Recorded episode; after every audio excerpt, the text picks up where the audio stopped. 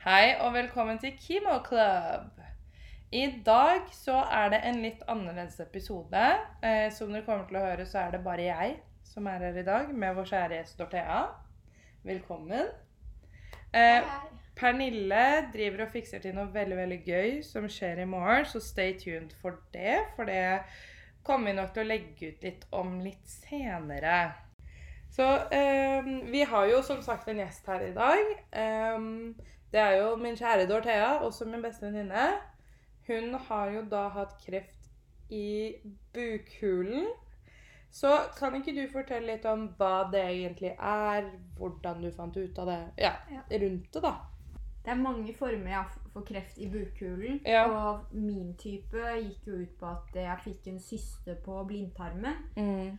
Og den inneholdt da en slimmasse, da, istedenfor veldig ofte så er det jo fylt med væske, altså som er gjennomsiktig, da, hvis man skal si det Mm. på den måten. Mm. Eh, og jeg ble jo tilkalt da inn til eh, blindtarmoperasjon da, for å fjerne både blindtarmen og systen før Mm. den sprakk. Mm. Eh, når jeg da var på operasjonsbordet, så hadde jo den systen selvfølgelig sprukket. Ja. Og da hadde det slimet flytet litt ut i magen. Ja. Eller i bukhulen, da. Mm. Og heldigvis så under operasjonen så rådførte de seg med Radiumhospitalet ut ifra hva de burde gjøre. Mm. Og um, da var det jo sånn at jeg fikk time til sete litt etter eh, blindtarmen var fjernet. Og for å se da om dette slimet eller eh, tykkelsen på det var det de trodde det var. Mm. Eh, og samtidig så sendte de jo en prøve på det, da. Og det var det jo. Og jeg fikk jo beskjed ganske tidlig at det mest sannsynlig måtte jeg operere, men de ønsket ikke å gjøre det før til sommeren igjen, fordi de ville ikke at det, det skulle påvirke eksamen og skoleåret.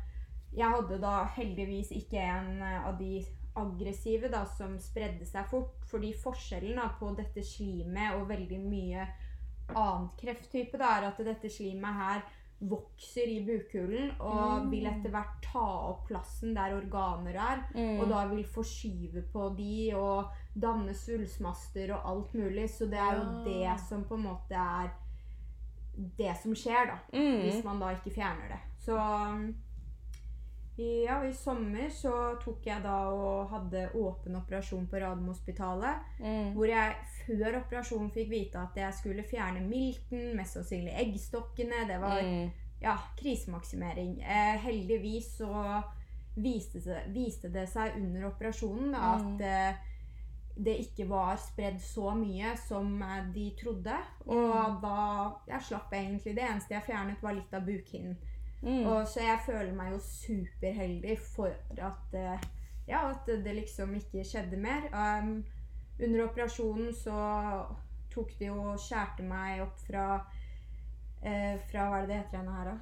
Fra brystbeinet? Ja, mellomgulvet, Ja, liksom. fra det helt ned til begynnelsen Ja, helt ned til hoftebeinet omtrent. Da bare midt Og det var magen. såpass, ja. Ja. Ja. Og så fikk jeg da lokal eh, eh, kim, eller kjemoterapi. Ja, som var liksom lokalt, da. ja. Eh, og jeg lå på sykehuset en uke, og ja Det etter sykehuset var flere uker og måneder. Mm. Du var jo på besøk etter jeg var ferdig med operasjonen. Mm. Så måtte jeg gå på med korsett en stund, og nei. Det var mye, og jeg har jo fremdeles problemer med magen på grunn av sammenvoksninger som veldig Ja. ofte både forekommer fordi man har åpen operasjon, men også av at man får lokal eh, cellegift i bukhulen. Mm. Eh, så jeg var jo nylig på Ullevål og hadde tarmslyng, som da Mm. var en bieffekt. Og det som er eh, Altså det som man kan tenke på, da, hvor heldig jeg har vært, er at eh, en sånn tarmslyng, det slimet jeg hadde inni meg, kunne, hvis ikke vi hadde tatt det bort, da, Ja. så hadde det kunne forårsaket tarmslyngen. Og det kunne det? Ja, så istedenfor det så var det, viste det seg at det var én liter væske, istedenfor Ja. som da de måtte ta ut. Og da Ikke Ja. sant. Men hvordan var det å våkne etter operasjonen og få høre at du fortsatt fikk beholde eggstokkene? Altså, for det er jo litt sånn som du sier, du får en skikkelig ille beskjed og forbereder deg på at når du våkner opp, så er det borte. Men Ja. så er det ikke borte på en måte. Ja, spesielt uh, var jeg glad for. For jeg var også veldig redd for at uh, jeg skulle fjerne tarmen. Var det, var det sånn at du følte på en lettelse på en måte når du var ferdig og fikk høre at du har fått beholde Hva kaller man det? Disse organene? Ja, altså for meg så var jo det største eh, Altså redselen var jo å fjerne tarmen, selv om Mm. det var veldig lite sannsynlighet for. Men uh, der kommer jo krisemaksimerer inn da og tenker ok, selvfølgelig vil det skje, fordi ja. mm, Men uh, også var jeg jo veldig glad for milten og eggstokkene og alt. Og jeg var jo ja, jeg var jo lettet. mm. Samtidig så var jeg jo veldig nedkjørt og neddopet og alt på en gang, så Men jeg, nå i ettertid så føler jo jeg selv at jeg har jo vært kjempeheldig som oppdaget dette så tidlig, for, veldig, for det er veldig vanlig at de oppdager dette her før- først i 40-50-årene. Og da er det veldig vanlig at uh, man må fjerne eggstokkene og det. Ja. Fordi den operasjonen jeg tok nå, da Mm. er det jo egentlig en av de, de tingene de gjør, er å fjerne Mm. eggstokkene. Okay. Så, men eh, ja, fordi det slimet har en sånn forkjærlighet da, for eggstokkene Ja. der de fester seg, fester seg, og det er ikke alltid like lett å svi det bort. da. Ja, jeg forstår. Men ja, så jeg var superheldig og føler meg fremdeles veldig heldig. Mm. Og det er jo ikke så lenge siden du heller gikk gjennom den operasjonen. Hvordan, hvordan føler du deg egentlig sånn i dag, sånn fysisk sett? Ja, altså på grunn av uh, at tarmene ikke Altså, det som er, er at tynntarmen min har blitt mer presset sammen. Mm. Og det forårsaker jo at jeg ofte får uh, ganske ekstreme magesmerter. Men Mm. når jeg var på oppfølgingstime på Radio, Radiumhospitalet nå sist eh, ja, to uker siden, så fikk jeg beskjed av uh, en av kirurgene der og overlegen der at uh, det vil ta ca. et halvt år da, før det stabiliserer seg. Så jeg håper jo at det er sant. Og, men hun sa jo det at i mellomtiden så må jeg jo se for meg at det kan være en ny tarmslyng som kommer. Okay. Det, men jeg tenker jo at det, det skal ikke skje, fordi mm. man må jo bare tenke det at eh, jeg kan ikke gå med den redselen og tenke hele tiden at det, det verste skal skje. Mm. Og ja. Jo, men absolutt. Det blir jo litt sånn at man må prøve å Veldig rart for meg å si, for jeg er jo Jeg er jo bare venn i denne situasjonen, på en måte, men eh, det er jo sikkert rart å skulle liksom venne seg til tanken at ja, man skal ikke krisemaksimere, men du har nettopp gått gjennom noe som er ganske traumatisk, og så skal du ja. prøve å gå tilbake til hverdagen, og alt skal være normalt. Ja, det er veldig sant. Så Men eh, ja, jeg merker jo fremdeles at magen er jo fremdeles litt hoven, og Mm. jeg må jo være forsiktig i hvert fall og, og på en måte bruke magemusklene for mye. da. Mm. Mm. Men eh, ja, det er jo en av de tingene som jeg også vil nevne, er jo at jeg har jo hatt uh, en fantastisk kjæreste og mamma som har vært der uh, altså vært Mm. der 24-7 og besøkt meg hver dag og liksom passet på meg. Og jeg har jo hatt Albertine og andre venninner som har tittet innom og Mm. alt, og det gjør jo veldig mye at man føler seg jo ikke alene i prosessen, og man føler at man har ja, folk Mm. som er med og støtter, altså støtteapparat rundt en. Og det føler jeg kunne gjort, eh, gjort ting annerledes hvis jeg ikke Mm. hadde hatt det. Så Mm. ville det mest sannsynlig vært mye tyngre å komme seg gjennom det som har vært. da. Det ville nok vært en ganske sånn psykisk påvirkning av at man føler at man står litt alene i det, Mm. og ikke har liksom noen du kan f.eks. snakke med, da, eller eh, gråte med, eller hva nå enn man på en måte trenger, da. Mm. Så jeg tror det er sånn som du sier, at det å ha et godt støtteapparat som bygger det opp, er noe av det viktigste. Ja. Det, jeg så jo også det på når Pernille hadde kreft. Hun Mm. hadde jo Herregud, det var jo det støtteapparatet der òg. Så jeg tror at det er en viktig del av det å skulle komme seg igjen etterpå. Men eh, hvordan var liksom tankene dine før du skulle opereres? Var, det, var du mye redd, eller var du Altså, hva tenkte du og følte du, liksom? Jeg gikk jo som sagt et år og visste ikke helt da om jeg skulle eller ikke. Og for å være ærlig, jeg tenkte ikke på den eneste gang. Mm. Fordi for meg så var det en så absurd tanke at uh, det var liksom ikke noe som kom til å skje. Jeg Mm. tenkte det Ja.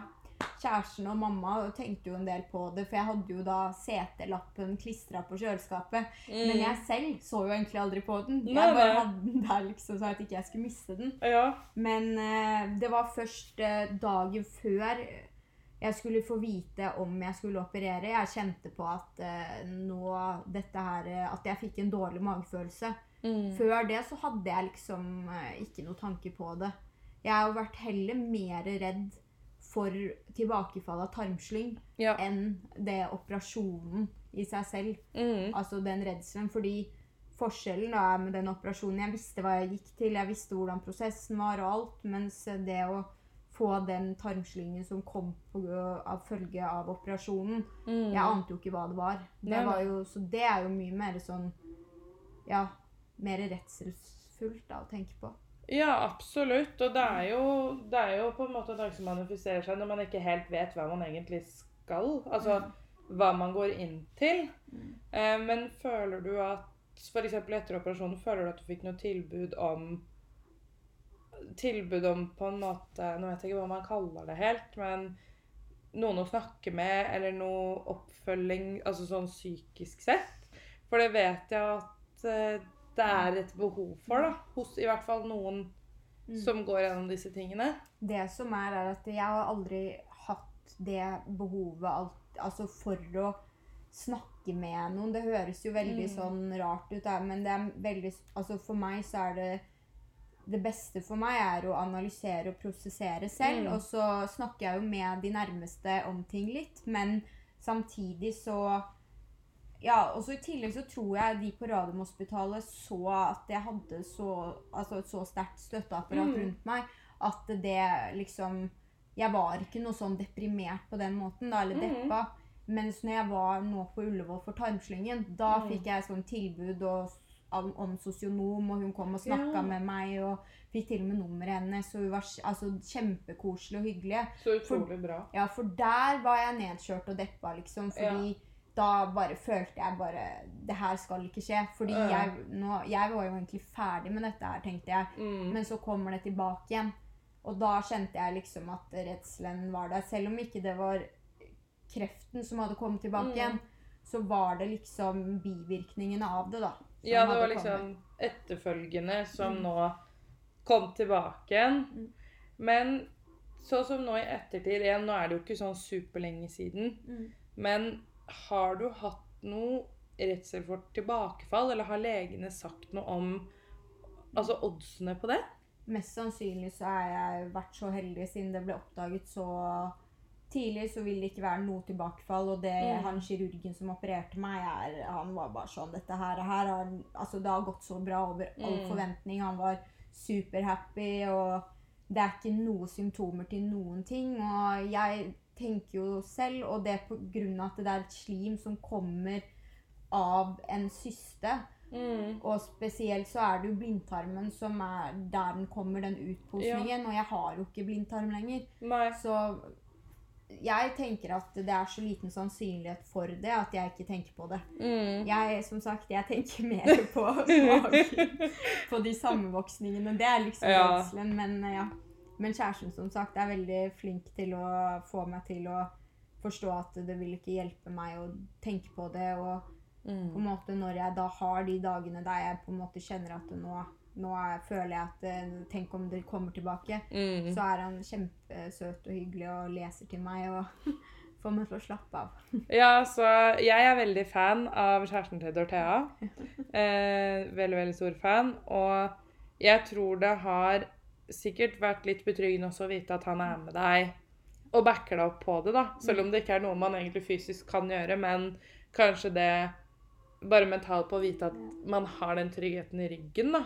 Det er veldig, veldig sant. Det har eh, Ja, det har hjulpet utrolig mye. Og så, som sagt, jeg er også en fantastisk mamma som eh, Ja. på en måte hele tiden stiller opp på 1, 2, 3 og Mammaen til Dorthea er også veldig kul. Jeg skravler mye med henne når hun er hos Dorthea. Men hvordan eh, var til, eller er tilhelingstiden? Har de sagt noe spesielt om det, eller? Ja, altså Det som er, er at Eller det som var, var at det er jo en ganske lang helbredningsprosess. Det er i hvert, altså du må reise, Min har vært nesten to måneder hvor jeg måtte gå med det korsettet.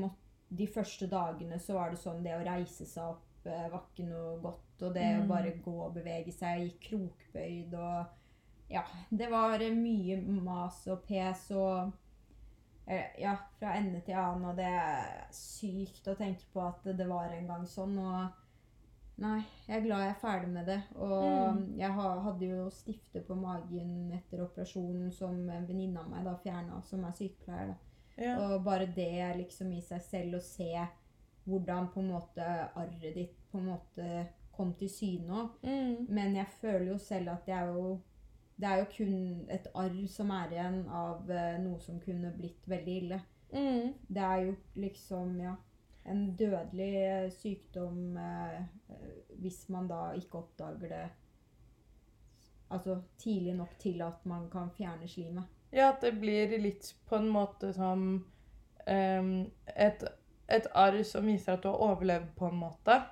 Som, som har en betydning. Men sånn som disse stiftene og dette korsettet, hvor lenge måtte du gå med disse tingene? Stiftene, ja, stiftene hadde jeg bare i to uker. Mm. Mens eh, korsettet gikk jeg med i seks uker. Men var det Og noen det var- spesiell grunn for at Altså, var det for å holde noe på plass, eller var det Det er jo liksom fordi magemuskulaturen finnes jo ikke, og Ja. du har jo rett og slett revnet Det er jo som Altså revnet opp magemusklene, og Ja. i tillegg så var det fordi jeg hadde dren ganske lenge inn, og da sa han eh, kirurgen i tillegg at det, hvis ikke jeg var flink nok med det. Ikke det at det var farlig, men da kunne det oppstå luft inn imellom Altså imellom Ja. Eller inn i bukhuleområdet. Jeg fikk, skjønte ikke helt hva han snakket om. Ja, Jeg bare fikk med meg at du bruker korsettet. Ja. Da slipper du det. Så det var liksom, for meg så var det nok å vite. Så da, ja, ja, men fy faen, det var jævlig. Jeg ville ikke reise meg opp, merka jeg til slutt. liksom, For jeg var så drittlei de siste ukene å ha det på. Jeg. Så når jeg da begynte å kjenne at nå, nå er det mer irriterende enn at Mm. det hjelper, og det var jo etter heldigvis den perioden jeg skulle ha det på, da, da fikk jeg eh, Ja, da kvitta jeg meg med det. Ja. I tillegg så var det jo faen meg satans vondt og, eller varmt å ha det på. For det er jo liksom som en sånn polstring som eh, ligger rundt uh, hele magen din. Uh, ja. ja, det kan jeg tenke meg. Det blir jo på en måte et ekstra plagg du skal gå med. Mm. Men var det sånn at du kunne ta det når du skulle sove, eller måtte du ha det på typ hele, hele tiden? Kunne ta det av når jeg sov. Mm. Eh, Men i starten så var jeg jo redd for å ta det av, fordi jeg var redd for at det skulle gjøre at ting ble ille. Så jeg brukte det jo kanskje unødvendig mye en periode, til og med når jeg slappet av. For jeg fikk jo beskjed om at det, når jeg slappet Mm. av, så jeg, trengte jeg jo ikke det. Men jeg eh, ville som regel ha det på ja, lenger enn det jeg trengte, eller sånn Ja. periodemessig, da. Men det kommer nok av den redselen av at man, man får kanskje ikke Man får liksom en beskjed, men man blir vel kanskje litt overtroisk for at tar jeg deg nå, så, så kan det skje noe. Og da er det bedre å bare ha det på. Ja, og så fikk jeg ikke sånn så, altså sånn grundig informasjon heller Mm. om altså risikoen for å kunne ta det av før, ikke sant? Eller Mm. ta det av når jeg slappet av, hva risikoen Om det økte risikoen for denne luftgreia, eller om det Hvis du skjønner? Og Mm. samme ting med sammenvoksninger òg. Det er jo derfor jeg er ganske Altså det med at jeg har fått de sammenvoksningene, det visste jeg jo kom til å være aktuelt. Ja. Men jeg tenkte jo at eh, jo flinkere jeg er med å bruke dette her, jo mindre sannsynlighet så vil jeg ha komplikasjoner med sammenvoksningene. Mm. Noe som da viste seg litt feil. Men Ja. eh, jeg får heller tenke at om jeg ikke brukte det, så ville jeg kanskje måtte tatt tarmen, da. Ja. Til- Tilbake til tarmen. Uh, nei, men det, jeg husker jo det som Hvis man kan kalle det litt galgenhumor inni her, da. Var jo jeg husker jo at jeg snakket med Dorthea når dette foregikk. Og jeg husker at det med tarmen, det, det, det ble en, eh, en stor frykt. Men heldigvis så har du tarmen i behold. Så langt? Nei, Så faen meg. Jeg bare tulla. Herregud, nei da. Jeg tenker at nå tenker liksom eh, Sånn som jeg fikk beskjed på Radiumhospitalet, tygg bitene godt og ta små biter. Mm. Så, noe som er veldig kjedelig. Mm. Så er det det som vil være med på å gjøre ting bedre eller ikke, da. Absolutt. Ender jeg opp med å sluke maten og ta altfor store biter, så vil Mm. jeg da naturlig få altså, vondt i magen, fordi da vil ikke det klare å prosessere like mye, da. Ja, fordi har fordøyelsen din blitt veldig påvirka etter det, eller er det det at den ligger i klem, eh, som du forklarte? Ja, det er det at den ligger mer i klem, og det har i hvert fall til nå gjort at eh, prosessen fra blindtarmen til tykktarmen eh, Mm. går ikke like elegant da, som Ja. det vanligvis tidligere har gjort. Ja, jeg skjønner. Så ja. Ja, nei, det, det er jo en tilvenningssak, det òg. Liksom ikke kunne, sånn som du sier, spise på samme måte som du pleide. Eh, og på en måte skulle tilrettelegge deg etter, eh, etter tarmen, da. Mm. Ehm, men sånn nå i ettertid ehm, Psykisk sett For du er jo veldig godt mot. Du er jo, du er jo en av de mest positive menneskene jeg kjenner.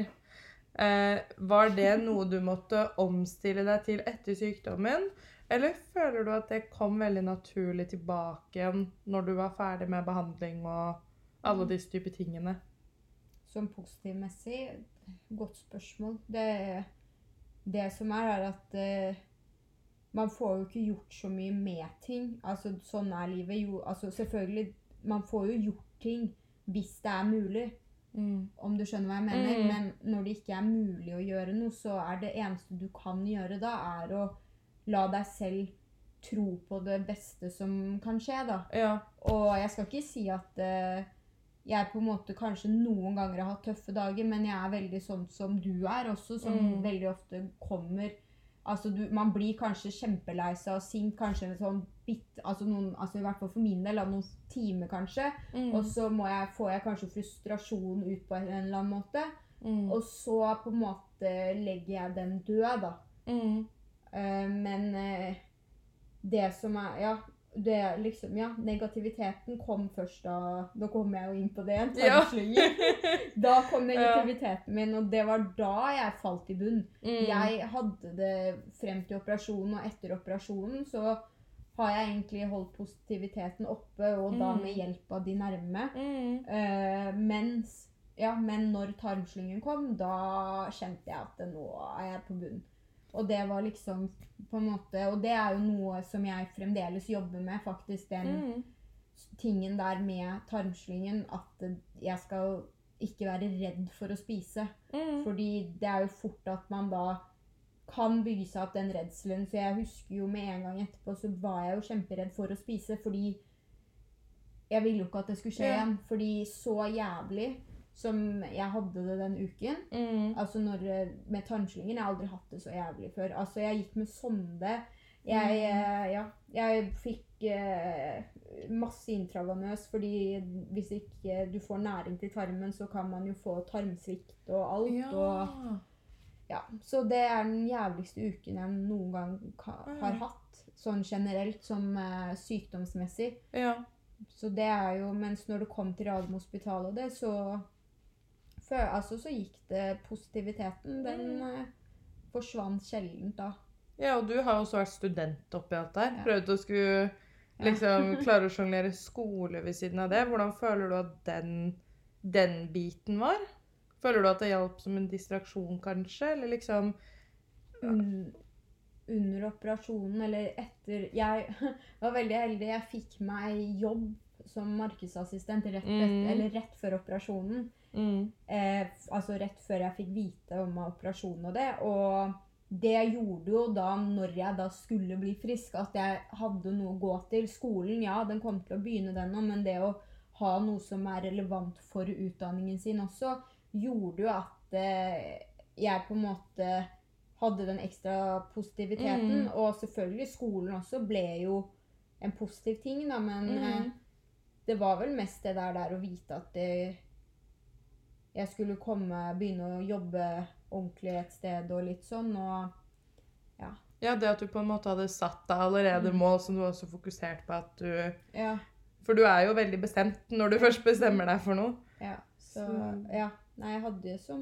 mål å få meg eh, ja, Mm. markedsjobb nå etter, eh, etter Mm. altså sist halvår. Og det, ja, det er jo det jeg tenker, det er at det, så lenge man vil, får man det til. Man må bare tenke at uh, man får det til. Ja, og så tenker jeg at det har nok sikkert litt også med på en måte hvordan prognosen er, hvilken Mm. krefttype du har. Ja. Det er, nok, det er jo det vi alltid sier, at det er jo veldig individuelt sånn fra person til person. At noen har jo masse energi alltid, Mm. og noen har jo ikke noe energi. Og det er liksom Det er så store spektere, så jeg syns det er gøy å høre sånn Du var veldig energisk, mens den andre personen var sånn, og liksom Ja. høre de forskjellige historiene, da. Fordi jeg føler at det er jo ikke noe du hører om til vanlig. Sånn som den krefttypen du har hatt også. Jeg har aldri hørt om den før du sa den. Ja, det har ikke jeg heller. Det, jeg vet ikke om jeg sa det i stad. Jeg tror jeg sa det før podkasten, at det er én av tre per million i år i Norge som får den eh, krefttypen. Og den oppdages som regel hvis man da ha, er f.eks. til gynekolog eller andre undersøkelser. Mm. Etter hvert, når omfanget av slimet blir veldig stort, så vil man jo få mer og mer magevondt. Og det var jo Mm. det jeg opplevde, var jo at den cysten vokste veldig fort. Ja. Og jeg husker jo at jeg klagde på magevondt ganske ofte, og så var det sånn Ja, sikkert ikke noe, men så var jeg hos gynekolog, og det var jo da de så at eh, det var noe Mm. som var på blindtarmen. Fordi veldig, jeg har liksom, som veldig mange andre kvinner, så får Ja. jeg syster på eggstokkene, men de er det væske som som Ja. Men det var da hun ene gynekologen sendte meg bare OK, det her, her er skummelt, liksom. Jeg vet ikke hvor den her kommer fra. ja. Så derfor må du ta CT, liksom. Å ja, så det var gynekologen som så det, faktisk? Ja, og det er som Wow. regel sånn du oppdager det. Hvis man da har søster som på en måte har det påbevist, eller Mm. ja. Men ja, så nå, ja. Jeg føler meg som sagt superheldig, og Mm. Men eh, jeg husker jo da hun sosionomen jeg snakket med på Ullevål, hun sa jo det at eh, det er jo en utrolig påkjenning med det der å gå et år uten å egentlig vite helt hva som kommer til å skje Mm. videre med den operasjonen, og egentlig ikke vite hva som skjer inni seg, siden det, Mm. det på en måte foregår noe som ikke skal være der. For kreft Mm. er jo hovedsakelig det at det er celler som sprer seg, som ikke skal være der. Mm. Og så kommer det jo det godartede og det onde, eller, og Ja. hvor fort det sprer seg. Mm. Så det er jo liksom å vite at noe vokser inni deg, eller tar plass inni deg som ikke skal være der. Det er Ja. jo skummel tanke hvis man da tenker sånn perspektivmessig. Ja, absolutt. For jeg tror man blir veldig Igjen, nå har jeg ikke opplevd det. Eh, Jeg tror nok man sikkert blir veldig bevisst. Fordi du får først beskjed 'du har det', og så etterpå så får du alle de andre beskjedene. Eh, Så jeg tror man sikkert blir veldig bevisst på situasjonen man står i, og Oi, nå er vi her, liksom. Liksom på her og nå, hvis du skjønner. Sånn avslutningsvis. Hvis du skulle gi tips eller råd til en person som kanskje går gjennom det samme eller venter på, eh, på svar, har du noen tips å gi? Ja, det er et godt spørsmål. Og tapsi? Jeg har jo Det er jo sånn som du sier, jeg har alltid likt å ha mye å gjøre. Og for min del så er jo det å ha noe å gjøre Det vil alltid hjelpe deg til å komme deg gjennom ting. Fordi da vil du på en måte endre fokuset til noe annet. Da. Og da mener jeg jo positive ting, at man gjør noe positivt. Og det andre er jo det å ikke overtenke og ikke gå og granske og tenke på det negative som kan skje, men heller da tenke OK, jeg har vært heldig, det er oppdaget nå. Det kan ende liksom sånn og sånn, men selvfølgelig, jeg forstår jo da hvis man da kommer til det stadiet der det ikke er noe å gjøre, da blir det jo litt annerledes igjen. Men i hvert fall bare tenke OK, jeg skal i hvert fall la disse dagene her være huskbare, men fordi de er positive, fordi jeg selv har lyst til å gjøre de positive. Eh, og at man aldri skal ikke la seg selv ha jævlige perioder og dager, men bare ikke la det gå for lang tid. Fordi da vil man jo til slutt ikke komme seg ut av det. Og det er jo det som blir Det som er jo det vanskeligste sikkert, eller veldig Mm. ofte, er jo det å komme seg ut, ut av noe som har vært helt forferdelig i livet. Mm, absolutt, og det tror jeg er et veldig godt tips og råd, egentlig. Det å prøve å Igjen, jeg har ikke opplevd det selv. Det er nok veldig bra det du sier, å prøve å holde seg litt opptatt med ting. Eh, men jeg må si tusen takk for at du vil være gjest hos oss. Tusen takk. Veldig, veldig hyggelig. Hyggelig å ha vår første gjest på Kimo Club. Sikkert mye rot. Det blir litt sånn, vet du. Snakke litt ut av hodet. Ja, men det er et, Vi må ha litt galgenhumor, og vi må prøve å Ja. Vi, vi er litt tullete av og til. Mm. Men igjen, folkens, tusen takk for at dere hører på. Og det viktigste dere gjør nå, gå inn på Spotify, gi oss fem stjerner. Gå inn på iTunes, hør på oss, og ikke minst følg oss på Instagram. Og del! Og del! Del til alle du kjenner. Og igjen, følg oss på Sisters and Squad 2.0. Så det vi har å si nå er ha en strålende dag. Yes! Og så ses vi i neste episode av Kimo Club. Ha det bra! Yay! Og her må jeg også skyte inn at jeg sa feil i siste episode. Vi er nå på episode syv denne gangen. Forrige var episode seks, så det var my bad.